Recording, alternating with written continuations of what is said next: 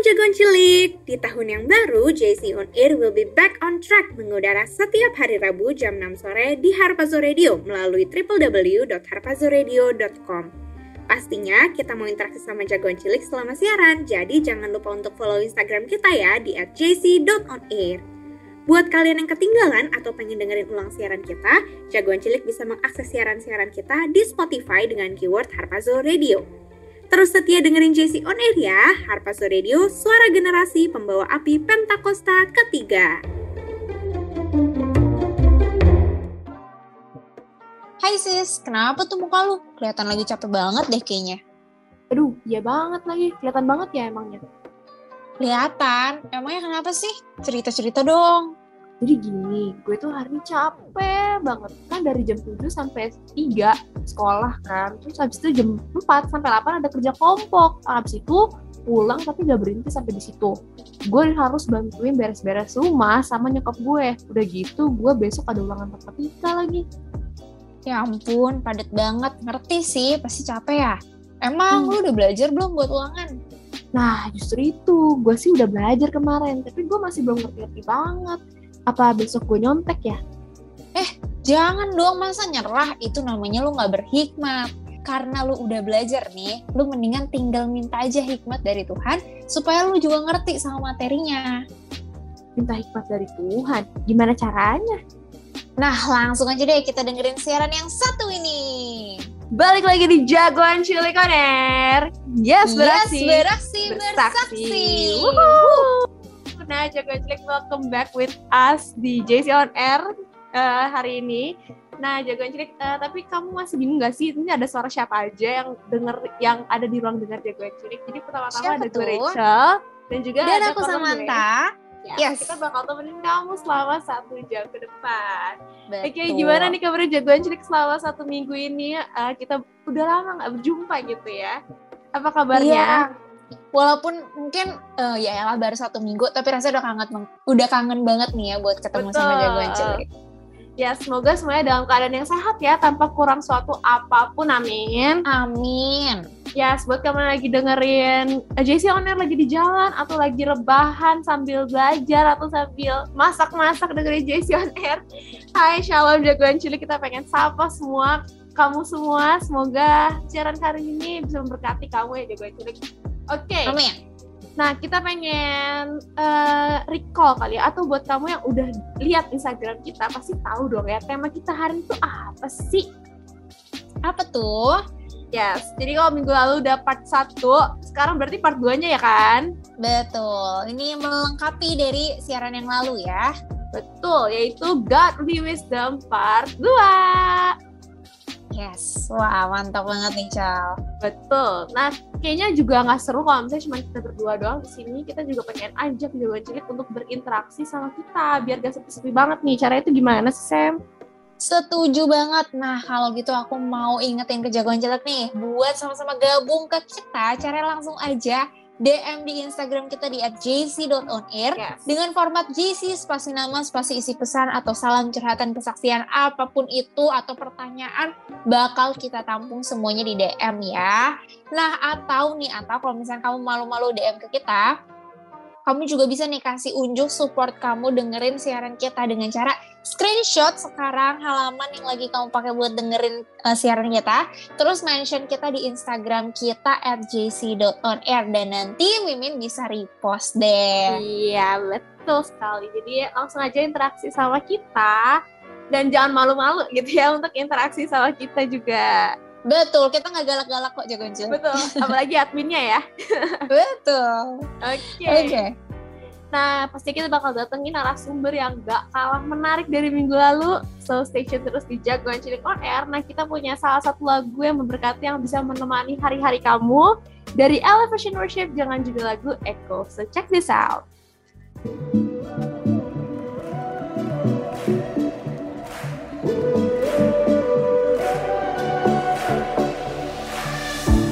When night has fallen, when fear is coming, still you're calling me.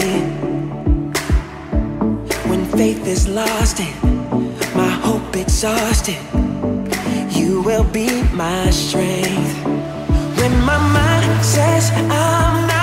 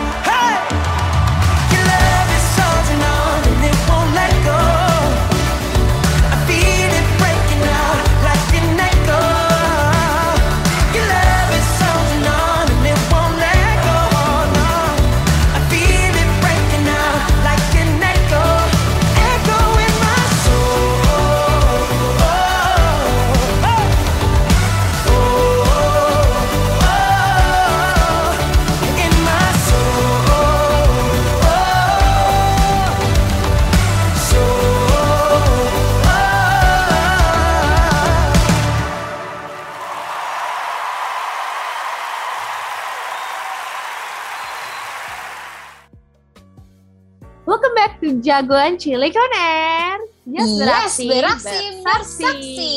Yes, we are back again Jagoan Cilik. Shalom semuanya. Shalom, shalom. Oke, nah nggak bosan-bosannya untuk ingetin kamu untuk berinteraksi sama kita. Caranya itu gimana tuh Sam? Caranya gampang banget, cuman 5 minutes aja gitu ya. Yes. Jagoan Cilik langsung aja datang ke Instagramnya kita di @gc.onair. Dan di situ Jagoan Cilik bisa kirim pesan ke kita dengan format GC, spasi nama, spasi isi pesan, salam, curhatan, kesaksian, apa pun itu bakal kita tampung. Atau kalau misalkan Jagoan Cilik maunya nih yang terlihat di Instagram Story, langsung aja deh screenshot nih Betul. halaman yang lagi kamu dengerin nih, halaman Harpazo Radio. Terus mention ke kita di @jc.onair nanti bakal kita repost deh. Yes, benar banget gitu ya. Jadi jangan lupa untuk interaksi sama kita dan kita bakal tunggu kehadiran Jagoan Cilik untuk berinteraksi sama kita. Betul sekali. Oke, back again gitu ya. Kan tema kita hari ini adalah Godly Wisdom. Kalau misalnya minggu lalu adalah part satunya, sekarang berarti part 2-nya. Dan sebenarnya kalau misalnya Jesse, kalau misalnya Jagoan Cilik dengerin Jesse on air gitu ya, pasti part 2 itu kita bakal nanya-nanya gitu ya sama narasumber kita. Betul. Tapi kita masih pengen keep dulu narasumbernya, kita nggak mau spill dulu ya. Oke. Nah, kita pengen review-review mengingat apa aja sih yang kita bahas minggu lalu gitu ya. Nah, Semi, Boleh. apa sih yang kamu dapat dari minggu lalu gitu? Oke, pastinya minggu lalu tuh isinya daging-daging semua gitu Daging. ya. Iya. Betul perbincangan Wagyu ya, Sam? Wagyunya yang yang level udah tinggi banget ya pokoknya Oke, oke. benar-benar mantap banget pembicaraan kemarin. Nah buat jagoan cilik yang ketinggalan mungkin full versionnya bisa lihat di podcast kita nanti ya. Tapi kalau dari minggu lalu sih yang aku dapetin gitu ya tentang godly wisdom atau hikmat ini adalah hikmat sejati yang berasal daripada Tuhan. Di mana hikmat itu ya ada kalau kita punya rasa takut akan Tuhan gitu. Kita punya rasa hormat sama Tuhan itu udah jadi fondasinya udah jadi kuncinya yang paling utama untuk kita bisa dapetin godly wisdom ini gitu. Dan godly wisdom ini tuh yang aku inget gitu ya eh, penting banget gitu. Bahkan lebih penting lagi daripada knowledge. Mungkin selama ini kita selalu eh, omongin tentang knowledge pengetahuan kepintaran. Tapi kalau kata Ci Eca gitu ya lewat pertanyaan nih kan kemarin kita nanya-nanya terus nih ya Cel.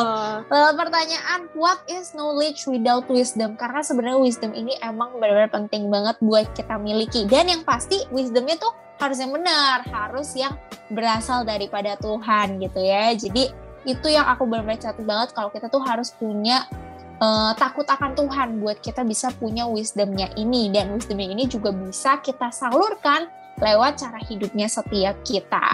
Wah, itu udah aku rangkum tuh ya kalau yang aku betul. dapetin. Kalau kamu gimana, Col? Yes, itu cukup merangkum ya Sam dan setuju banget sama Sammy gitu ya. Kalau misalnya permulaan eh, takut akan Tuhan adalah permulaan dari hikmat gitu ya. Karena Betul. ya balik lagi gitu pertanyaannya what is knowledge without wisdom gitu. Dan sekarang aku sih lebih pengen ke breakdown gitu ya. Kan ada ciri-cirinya gitu ya. What is wisdom Hmm, from God betul, and betul, what betul. is uh, wi- wisdom wisdom with- without eh sorry sorry. What is wisdom not from God and what is wisdom from God gitu ya. Oke. Jadi, aku pengen bahas dulu nih what is not wisdom from God gitu. Jadi ya pastinya what is not wisdom from God pastinya juga itu bertolak belakang sama what is wisdom from God gitu.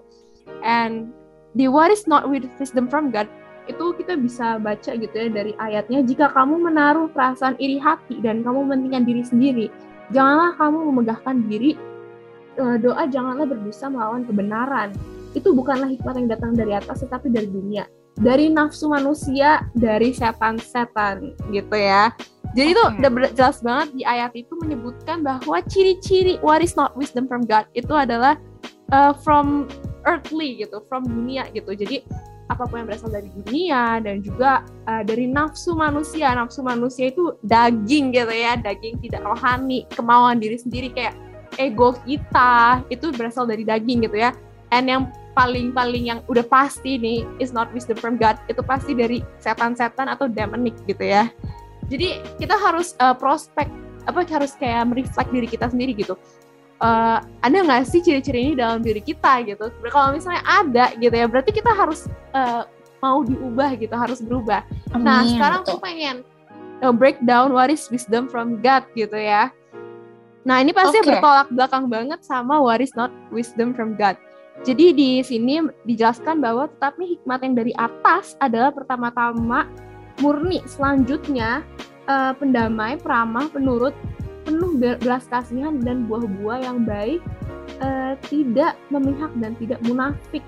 Dan buah-buah yang terdiri dari kebenaran ditaburkan dalam damai untuk mereka yang mengadakan kedamaian. Wah, jadi ini benar-benar udah di breakdown di dalam ayat ini gitu ya bahwa eh, ciri-cirinya yang wisdom from God itu pertama murni. Murni artinya purify the heart, make upright and holiness gitu. Jadi hati yang murni eh, tertuju pada Tuhan. Terus yang kedua adalah damai. Terus yang ketiga adalah rahmah. Rahmah dalam arti ya eh, penyampaian kita tentang kan kita kan kita juga harus mementingkan others gitu ya. kita harus eh, consider others juga gitu dalam berkhidmat ini dan ramah di sini maksudnya ya kita harus memikirkan perasaan orang lain gitu ya harus memikirkan cara cara-cara kita menyampaikan eh, perkataan yang baik di hadapan orang-orang gitu kan terus the next one itu penurut atau reasonable penurutnya bukan artinya kayak apa-apa nurut apa-apa nurut enggak gitu maksudnya penurut di sini itu ya kita itu mau dibentuk sama Tuhan, terus abis itu ada belas kasihan,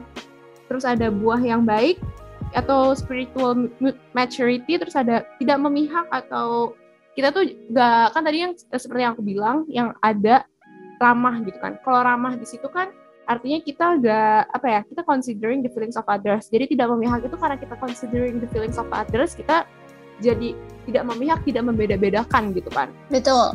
Dan yang terakhir itu adalah tidak munafik gitu ya. Itu yang paling penting juga tuh. Harus punya hati yang tulus dan hati yang tulus tuh bisa membentuk integritas kita. Jagoan cilik. Amin. Oke, mantep Cal.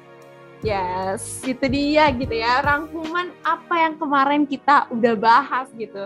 Tapi sebelum itu Sam, kan kita pengen datengin narasumber nih. Tapi kayaknya kita pengen keep dulu dan kita break dulu dengan salah satu lagu yang memberkati dari Endless Worship dengan juga lagu tak tertandingi. So check this out.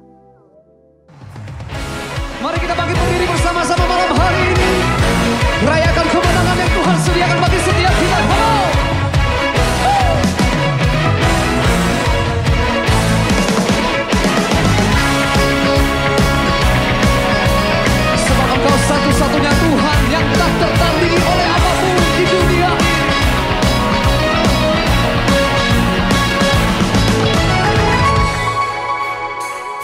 Pada siapa kau bandingkan perbuatannya yang heran? Tak ada. Kerajaannya yang terbesar tak akan tergoyahkan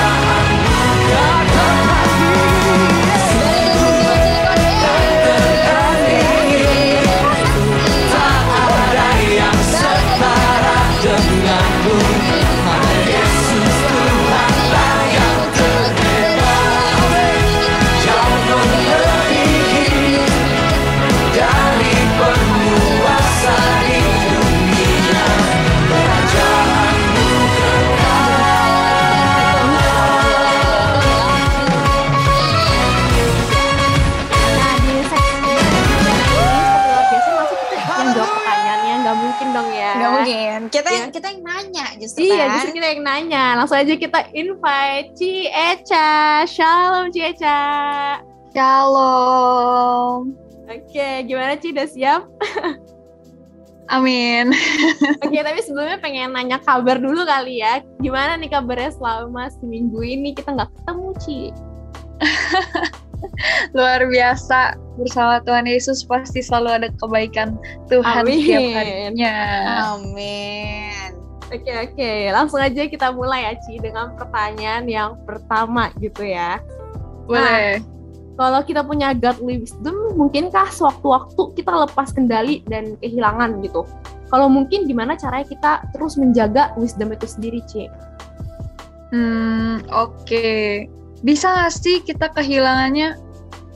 Of course, bisa-bisa aja kalau tidak dijagain dengan baik ya. Kalau kita punya sesuatu tapi kita nggak pa- pakai, abis itu kita biarin aja, terus nggak dicek, nggak di, you know, nggak diapa-apain gitu, pasti bisa aja gitu. Kita kehilangan itu gitu. Bisa aja kita kehilangan godly wisdom itu, teman-teman. Eh, eh, gimana ya? Gimana kalau kita kita langsung masuk ke studi kasus enggak lah bercanda. Kita lihat aja langsung gitu Berat, berat.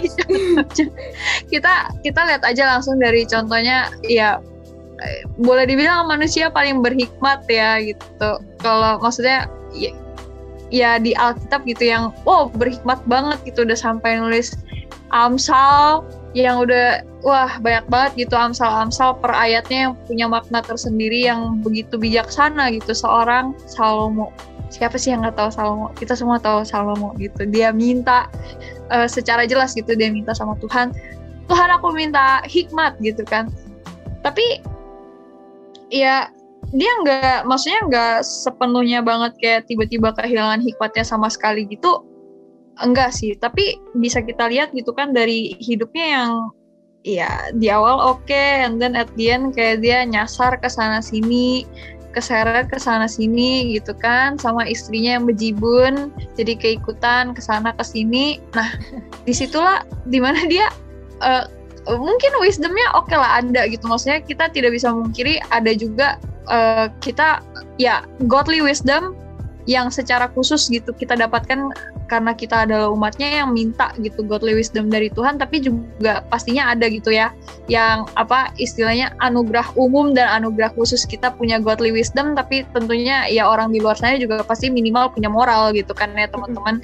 Mungkin eh, Salomo masih punya itu mungkin dia masih punya apa dia dia masih bisa eh, berpikir dengan dalam tanda kutip hikmat gitu. Tapi kalau misalnya kita lihat sama-sama eh, di kitab pengkhotbah gitu yang kita percaya ditulisnya sama Salomo gitu kan di situ ada tulisannya tulisan pengkhotbah Salomo gitu kan.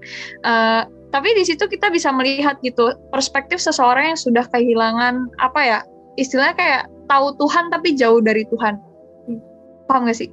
Jadi kayak dia eh, dia tahu Tuhan tapi dia jauh dari Tuhan. Jadi kayak perspektifnya tuh udah bergeser gitu. Makanya kalau teman-teman aku baru aja gitu kan kelar I don't know last week atau dua dua minggu yang lalu baru kelar baca pengkhotbah tuh bener-bener kayak nampol banget gitu. Kenapa? Karena itu bisa terlihat betapa jelasnya seseorang yang perspektifnya tuh udah jauh gitu. Maksudnya melihat Tuhan dari kejauhan jadinya hidup tuh jadi meaningless gitu. Hikmatnya ada tapi kayaknya semuanya segala sesuatunya terlihat seperti meaningless.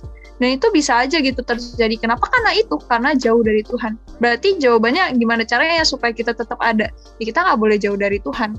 Iya. Karena hidup yang jauh dari Tuhan, apa pun yang jauh dari Tuhan, wisdom yang jauh dari Tuhan, pengetahuan yang jauh dari Tuhan, kehidupan yang jauh dari Tuhan itu semuanya meaningless gitu. Semuanya ya ya udah gitu loh.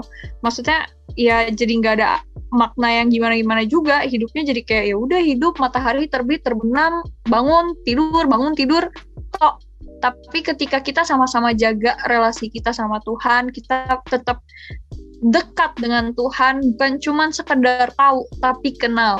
Bukan cuma sekedar tahu melihat dari kejauhan tapi benar-benar ada di dalam hadiratnya Tuhan di situ kita menjaga apa yang udah Tuhan karuniakan buat kita yaitu godly wisdom itu yaitu uh, rasa takut akan Tuhan itu yaitu ketaatan kita tuntunan Tuhan untuk hidup kita terus di dalam pertobatan itu ya gitu kita harus jaga dengan kita tetap hidup dekat sama Tuhan. Wow. Ya, Amin. Setuju, setuju, setuju. Nah, terus aku pengen cerita dikit sih. Kan aku punya background laptop nih. Cuma pengen nyampein doang kalau misalnya um, apa namanya? Uh, backgroundnya itu tulisannya life is meaningless without God. Bener banget kata Ceca. Kayak apa gunanya hidup, apa artinya hidup tanpa Tuhan gitu ya, tanpa tahu uh, Tuhan tuh ada loh bersama kita gitu ya. Setuju. Karena kalau misalnya kita kejar kekayaan, kejar uh, misalnya kejar apa ya di dunia, kejar fame atau apa pun itu, at the end of the day ya kita bakal ninggalin itu semua. Mm-mm. Karena ujung-ujungnya bakal nggak akan kita bawa gitu Yes. ya ke, Itu ke cuman surga sementara. nanti gitu. Betul betul betul. Wah dahsyat dahsyat. Nah Ci, eh mungkin ini juga jadi pertanyaan waktu awal banget kita dengar kata godly wisdom gitu ya. Sebenarnya apa sih manfaatnya? Kan kita tadi udah sebutin ya. Eh, maksudnya di minggu lalu tuh part 1 kita udah sama-sama sebutin apa aja ciri-cirinya yang bukan dan yang berasal dari Tuhan. Terus gimana cara kita dapetinnya. Tapi sekarang nih kira-kira apa sih sebenarnya manfaatnya kita tuh punya godly wisdom? Apa manfaatnya kita punya godly wisdom manfaatnya sangat begitu banyak ya teman-teman. Bayangkan seperti eh, seperti ini. Kalian ada di kapal tapi setirnya nggak ada. Nah loh. Ya udah nyasar aja kan ya teman-teman. Tapi Betul betul. inilah kenapa kita perlu punya godly wisdom. Seperti yang minggu lalu gitu eh, udah aku bilang gitu ya apa apa gunanya kita punya pengetahuan tapi kita nggak tahu juga cara pakai pengetahuan itu. Gimana caranya kita bisa menggunakan apa yang sudah Tuhan percayakan buat setiap kita kalau nggak ada godly wisdom. Dan nggak bisa cuman wisdom tok gitu nggak godly nggak dari Tuhan. Itu juga nggak bisa. Kenapa? Karena kita mau punya hidup yang menyenangkan hati Tuhan dong bener ya. Kita pasti mau jadi pribadi-pribadi yang ya terus dimurnikan gitu bersama dengan Tuhan terus bertobat gitu setiap harinya. Dan itu semua ya adanya di dalam godly wisdom gitu ya dari Tuhan. Kayak ibaratnya kan nggak mungkin ya kita eh, maksudnya kita jalan-jalan di let's say Australia tapi petanya pakai peta Indonesia nggak nyambung juga gitu kan betul betul. kita mau Nyasar yang ada. kita maunya petanya ya peta dari Tuhan, bukan peta buatan orang lain. Kita maunya pe- ya arahannya arahan Tuhan, bukan arahan dari dunia. Ya kan minggu lalu dunia kedagingan kita atau bahkan yang demonik yang dari setan-setan kayak tadi Ichel bilang gitu kan. Jadi eh, ya apa manfaatnya? Kenapa harus specifically godly wisdom? Kenapa nggak boleh wisdom-wisdom yang lain? Karena kita iya kita mau specifically live for God gitu. Kita mau secara spesifik hidup kita buat Amin. Tuhan. Jadi nggak bisa pakai peta yang lain, nggak bisa pakai setir yang lain. Harus semuanya bener. Kalau kapal ya pakai setir kapal. Kalau di laut Pasifik ya jangan pakai peta eh, apa gitu Arktik gitu kan nggak nyambung juga, nggak nggak guna juga gitu. Gimana caranya kita bisa mengarungi hidup ini tetap berpegang sama Tuhan kalau petanya bukan dari Tuhan. Jadi itulah pentingnya kita harus punya godly wisdom. Pas. Berarti justru sebenarnya nggak ada cara lain ya. Jadi godly wisdom tuh satu-satunya nih jagoan cilik bukan bicara soal manfaat lagi gitu sebenarnya karena itu emang udah jadi akar segala buah yang kita hasilkan di dalam kehidupan kita. Betul. Amin. Nah dari tadi kan kita um, mention gitu ya tentang pengetahuan dan mungkin tentang wisdom gitu. Nah sebenarnya perbedaan yang mencolok antara hikmat dan akal manusia itu apa sih Ci? Tentunya pastinya tentunya pasti beda. Udah gitu. tentunya pastinya ya. tentunya lagi. Tentu ada perbedaan gitu kalau misalnya kita beneran hikmat dari Tuhan, atau cuman akal doang gitu cuma pikiran kita doang cuman ya maunya kita kedangian kita doang gitu teman-teman. Dan itu tercermin dari mana? Tercermin dari semua apa pun yang tadi udah dirinciin sama Echel gitu kan di segmen sebelumnya. Kalau misalnya dia hikmat dari Tuhan udah pasti pasti banget menghasilkan buah menjadi berkat. Tapi kalau misalnya cuman akal manusia yang tidak disertai dengan uh, hikmat dari Tuhan, tidak disertai dengan tuntunan dari Tuhan, di situ pasti ada iri hati, ada kesombongan, ada pokoknya sesuatu yang jelek gitu ya. Dan balik lagi ke pertanyaan yang tadi sebelumnya gitu, pasti nggak pas, pasti nggak, maksudnya ya nggak pas untuk hidup ini gitulah istilahnya maksudnya yang seharusnya hidupnya begini tapi dia malah mungkin yang lain gitu. Malah yang dikejar sesuatu yang lain. Kalau hikmat yang dari Tuhan pasti kita akan mengejar yang yang esensinya harusnya kita kejar gitu ya. Itu kebenaran dari Tuhan gitu. Tapi kalau hmm. cuma akal manusia nggak bisa dipungkiri pasti kita akan melihat kayak orang-orang yang istilahnya mengejar pengetahuan tetapi tidak mengejar kebenaran. Jadi di situ kayak kelihatan banget gitu. Kalau cuma akal manusia pasti fokusnya bukan ke atas. Tapi kalau dari Tuhan hikmat yang dari Tuhan itu fokusnya ke atas ke Tuhan. Hikmatnya aja dari atas berarti fokusnya juga harus ke atas ke yang maunya Tuhan. Jadi itu udah pasti beda banget ya teman-teman. Iya betul. Setuju banget. Karena ya akal balik lagi ya kan akal manusia itu kan namanya juga manusia pasti terbatas gitu sedangkan kan kita butuh Tuhan kita butuh tuntunan Tuhan yaitu dengan adanya hikmat dari Tuhan tuh Oke, okay, nah ini udah seru banget gitu ya segmen hari ini gitu. Tapi kita pengen break dulu ya, biar kayak makin relax dulu ya, mau makin santai dulu. Nah, kita pengen dengerin salah satu lagu yang memberkati dari Hillsong dengan judul lagu Here I Am to Worship. So check this out. Check this out, Jaban Cilik.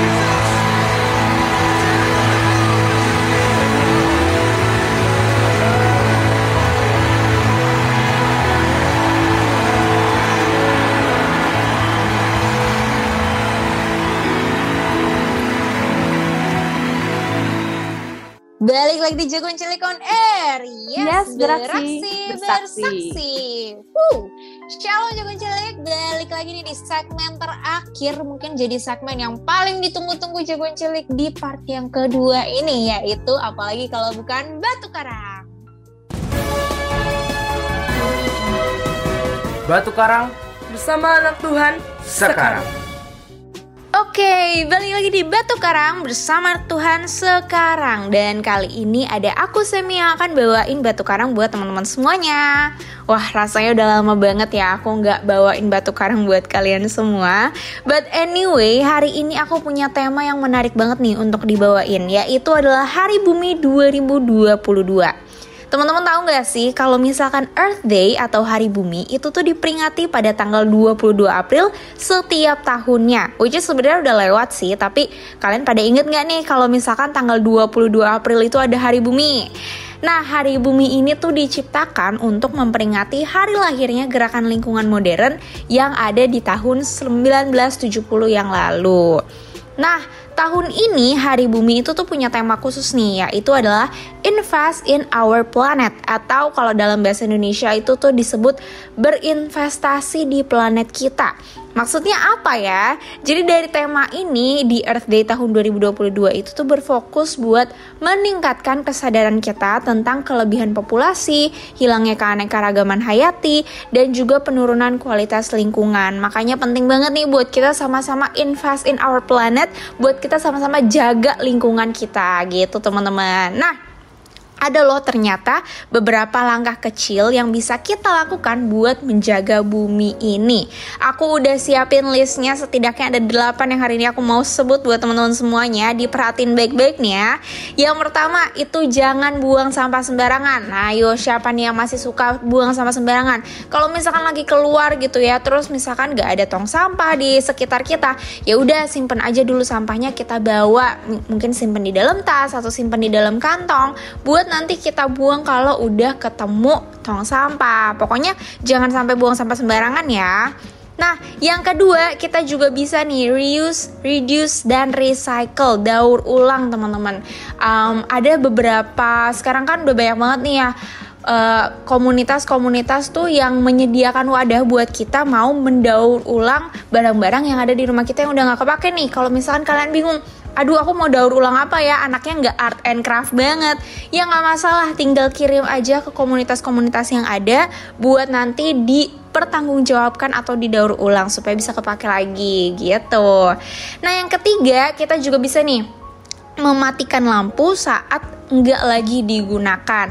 Ini penting banget ya kalau misalkan se- eh, karena selain bayaran listrik juga mahal kali ya jagoan cilik.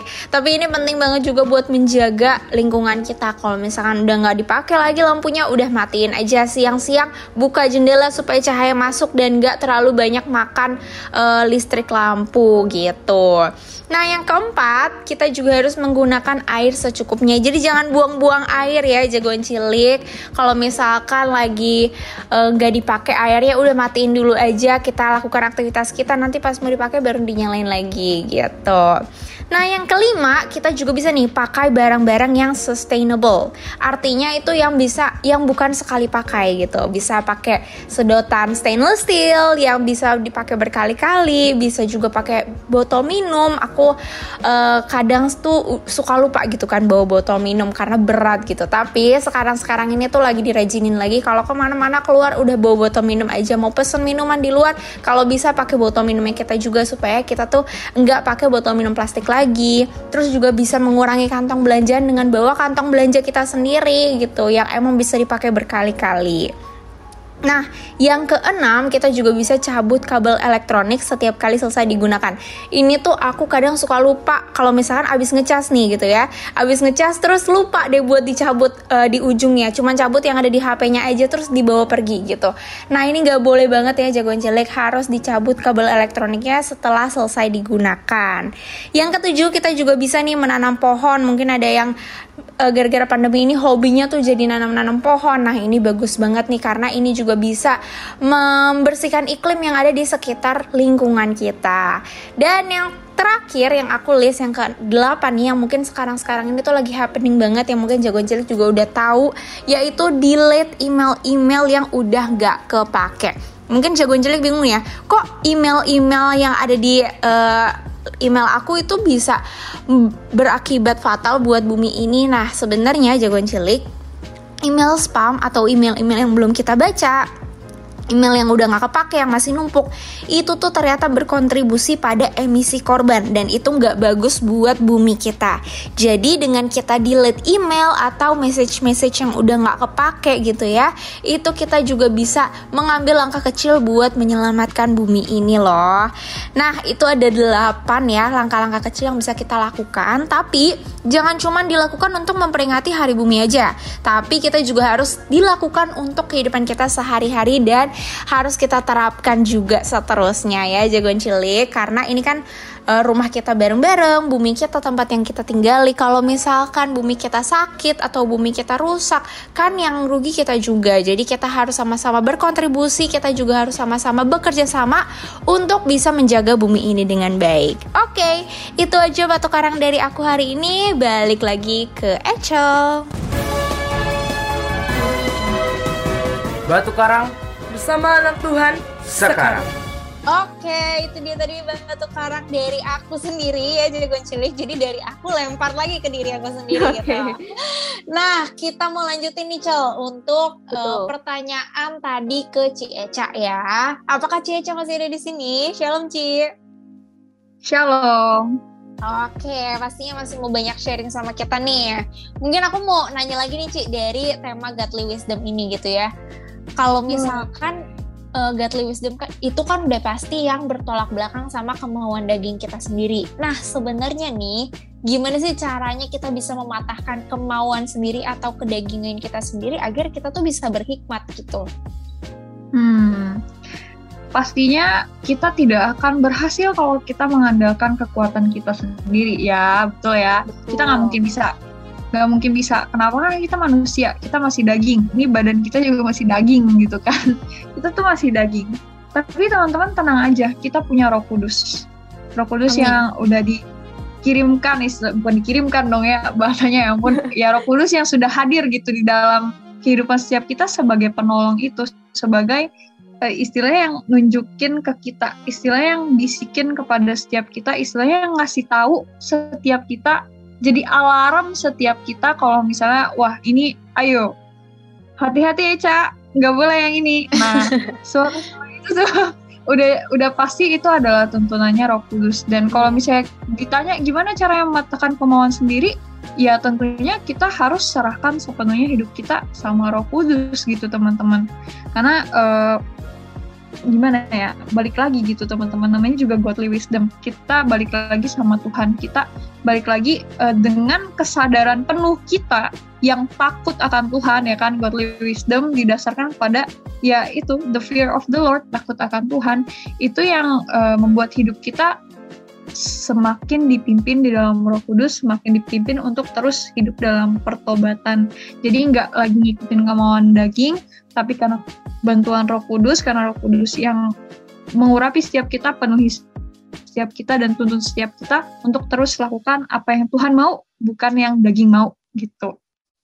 Men, berarti bukan masalah urutan gitu ya, bukan berarti kita patahkan kedagingan kita dulu baru kita bisa berhikmat, tapi justru itu saling terkait gitu. Ketika kita mau betul. punya hikmat dari Tuhan, kita serahkan ke Roh Kudus, kita juga akan dituntun gitu supaya kita bisa mematahkan kedagingan kita gitu ya, Ci. Amin, betul. Oke, mantap, mantap, mantap. Oke, okay, next question. Nah, aku pengen nanya nih, bisa nggak sih kita itu memiliki hubungan yang baik sama Tuhan, tapi kita itu nggak berhikmat Nah, ini dia. Ini juga sama seperti yang Samantha bilang tadi. Itu nggak bisa ini dulu baru itu, itu dulu baru ini. Enggak gitu ya, teman-teman. Jadi, kalau kita punya hubungan yang baik dengan Tuhan, seharusnya kita punya hikmat.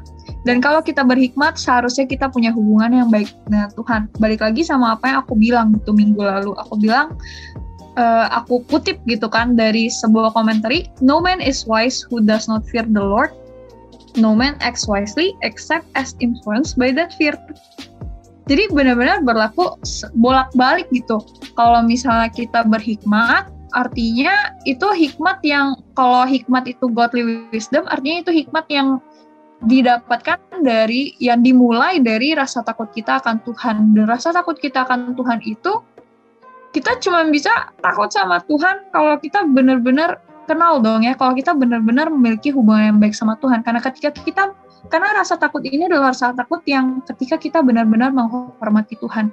Dan gimana caranya kita bisa menghormati Tuhan kalau kita menolak untuk tahu Tuhan kita seperti apa, ya enggak? Jadi kalau misalnya itu aja udah jelas gitu semuanya berkaitan gitu, nggak bisa kita bilang oh harus berhikmat dulu baru punya hubungan baik atau oh harus uh, punya hubungan baik dulu baru berhikmat enggak, tapi dua-duanya berjalan bersamaan. Ketika kita kenal Tuhan kita, kita dekat dengan Tuhan, kita hormati Tuhan, kita punya rasa takut akan Tuhan, di situ di situlah ada hikmat itu. Dan hikmat itu nggak mungkin ada kalau misalnya ya kalau misalnya kita tiba-tiba terus at one point tiba-tiba jangan sampai gitu kan.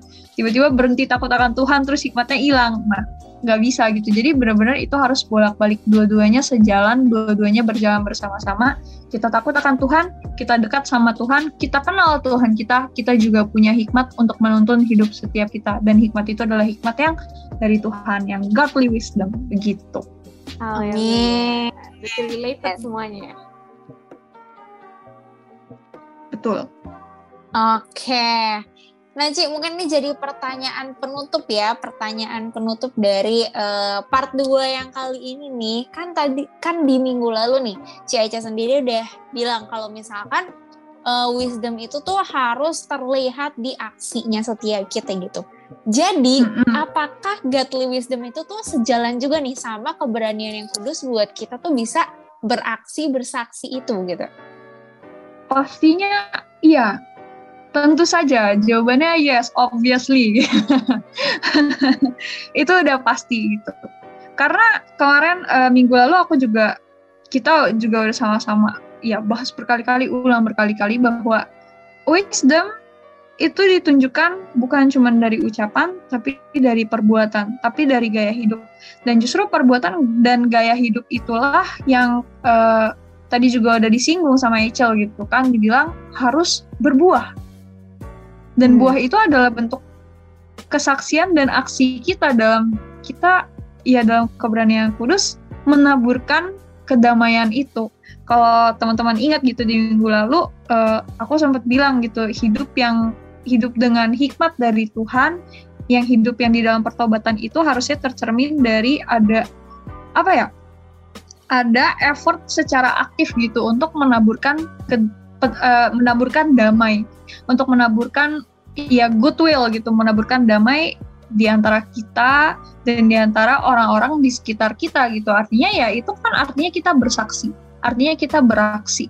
Ya kan, jagoan cilik yes, beraksi, bersaksi. Nah, itu sejalan gitu dengan godly wisdom itu karena karena sekali lagi gitu kan tanpa godly wisdom ya kemungkinan besar nggak akan nyampe situ gitu kan. Eh, bukan kemungkinan besar lagi nggak mungkin gitu kita nyampe situ. Karena godly wisdom itu kan ya itu ada tercermin di dalam kehidupan yang terus bertobat. Dan kehidupan yang terus bertobat itu juga tercermin di dalam kehidupan yang melakukan kehendaknya Tuhan. Seperti yang udah disebutin Echel tadi kan harus murni, harus damai, harus penurut, harus peramah, harus berbelas kasihan, harus menghasilkan buah yang baik, tidak memihak dan tidak munafik. Jadi eh, itu kan itu semua sebenarnya ya itulah kesaksian kita, itulah ketika kita jagoan cilik sama-sama beraksi itu tercermin dari situ dari bagaimana kita bertindak gitu dari mana dari bagaimana kita memperlakukan orang lain dari bagaimana kita menjawab orang lain dari mana kita menegur orang lain dari bagaimana kita hidup itu basically ketika kita punya wisdom kita menghasilkan buah kita punya kedewasaan rohani dan menghasilkan buah gitu itu adalah kita beraksi itu adalah kita bersaksi dan kita sama-sama ambil bagian dalam menyelesaikan amanat agung Tuhan Yesus gitu Wow. Amin. Keren banget sih. Maksudnya kayak dengan adanya hikmat ini itu jadi membantu kita untuk menyelesaikan amanat agung Tuhan Yesus. Di mana kan itu amanat agung Tuhan Yesus kan harus kita jalani ya sebagai orang Kristen gitu. Amin, amin. Yes. Nah, untuk menutup ini semua gini ya, Ci. Untuk ini semua gitu. Aku pengen nanya gitu ya, ada nggak sih last statement or kayak quotes yang mau Cici kasih tahu ke jagoan cilik gitu? Then again, kalau wisdom, kalau ngomongin hikmat, tapi kan ceritanya kita kayak bergaya-gaya agak filosofikal gitu kan, bertanya-tanya, tanya-tanya dan bertanya gitu biar seru karena ini hikmat. Jadi Iya. aku sebenarnya as simple as mau ngulangin aja gitu, what is knowledge without wisdom? But then again, what is wisdom apart from Christ? Jadi oke lah kita punya pengetahuan, yaitu dari Tuhan. Tuhan percayakan pengetahuan itu buat setiap kita. Tapi kita juga nggak boleh cuma minta pengetahuan, kita juga minta hikmat supaya kita bisa menghasilkan buah.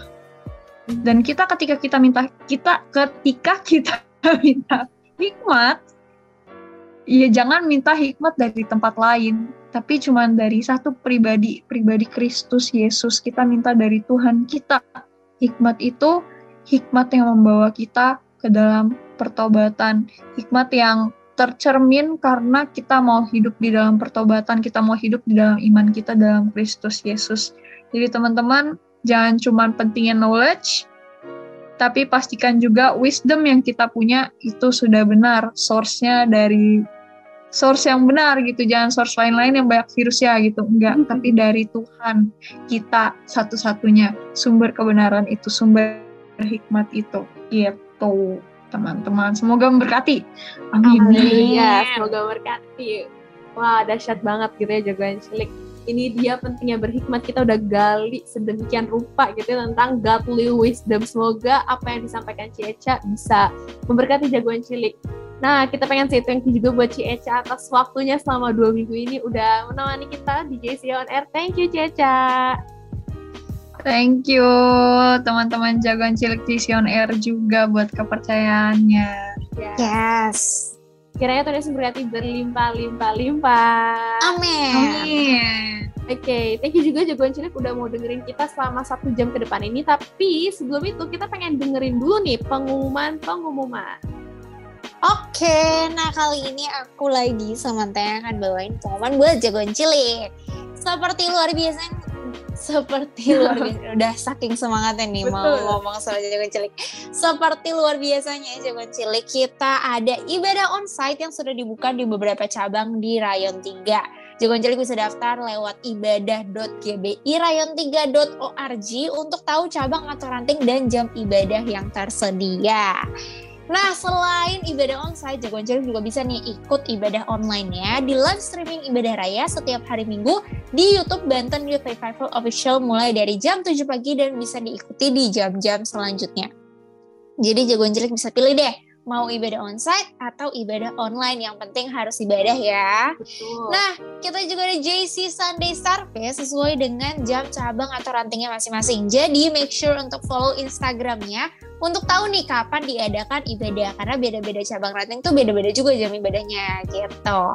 Kita ada Banten JC Revival. Woo! Woo! Pasti ini udah yang ditunggu-tunggu Yeah. gitu ya. Ibadah gabungan di mana semuanya bisa ketemu lagi di Banten JC Revival tanggal 29 April 2022. Dapat tanggalnya ya guys. Betul, berarti Jumat ini ya, jam Betul. 7 malam via Zoom. Nah, link dan meeting ID passcode-nya itu bisa lihat sendiri nanti di flyer yang ada di Instagramnya Banten JC Revival. Nah, selain itu kita juga punya JC English Service setiap hari Jumat jam 8 malam via Zoom. Linknya itu bisa minta ke DM-nya at Banten JC Revival juga. Dan jagoan cilik jangan lupa nih buat dengerin Spotify kita dengan keyword JC on air untuk dengerin siaran-siaran lainnya yang mungkin udah lewat, yang mungkin jagoan cilik ketinggalan atau mau dengerin ulang nih. Last but not least, jangan lupa buat follow Instagram kita di @jc.onair dan @bantenjcrevival supaya nggak ketinggalan info-info seputar JC On Air dan JC Rayon 3. Oke, itu aja pengumuman dari aku. Balik lagi ke Rachel. Yes, thank you Sammy. Nah, ini dia siaran kita hari ini. Terima kasih jagoan cilik sudah menemani kita dari minggu lalu, bahkan sampai sekarang udah setia nemenin JC on air gitu ya. Thank you banget jagoan cilik dan jangan lupa juga untuk dengerin JC on air minggu depan karena tema yang kita bawain juga nggak kalah menarik gitu ya. Nah itu dia siaran hari ini. It's a wrap jagoan cilik. Gue Rachel pamit Yay. undur diri Aku Semi pamit undur diri. dan juga Aku Eca undur diri. Oke, see you jagoan cilik minggu depan. Jagoan cilik. Yes, Yes, beraksi. beraksi. Yes, bersaksi. Bersaksi. Bye bye. God, bless you. Jagoan Cilik. Radio Rohani paling fresh saat ini. Harpazo Radio, suara generasi pembawa api Pentakosta ketiga.